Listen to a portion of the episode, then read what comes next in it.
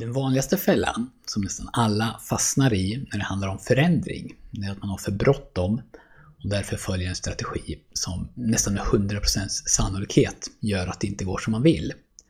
Och för att sluta göra det här misstaget gång på gång på gång så krävs ett mindset-skifte. Det krävs att man tar sig an den här uppgiften på ett mer moget sätt och det krävs att man har förmågan att lära av sina misstag.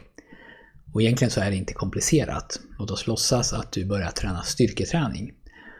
Om du vill skapa framsteg så kan du antingen börja relativt långsamt.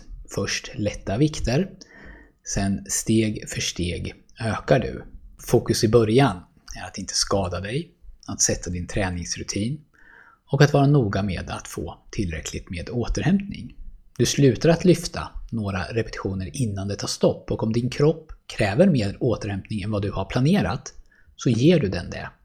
Målet med dagens träningspass är att jag ska kunna träna imorgon också.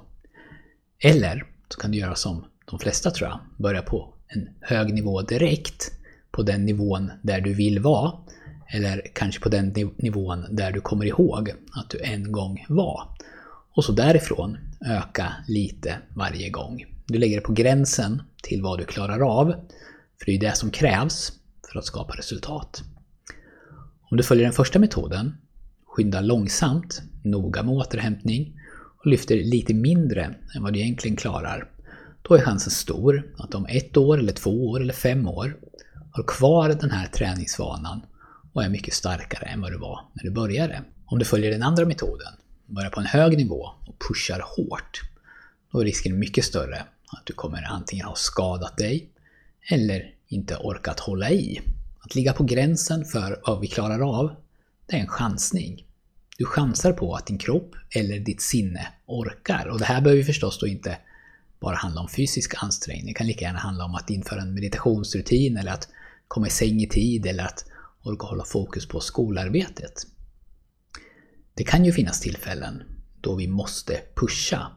Men när vi är ute efter långsiktig förändring så gör vi nästan alltid rätt i att börja smått och att inte öka för fort. Att ta det långsiktiga perspektivet. För hur långt skulle du komma på ett år om du började smått idag och sen höll i? Räkna lite på det.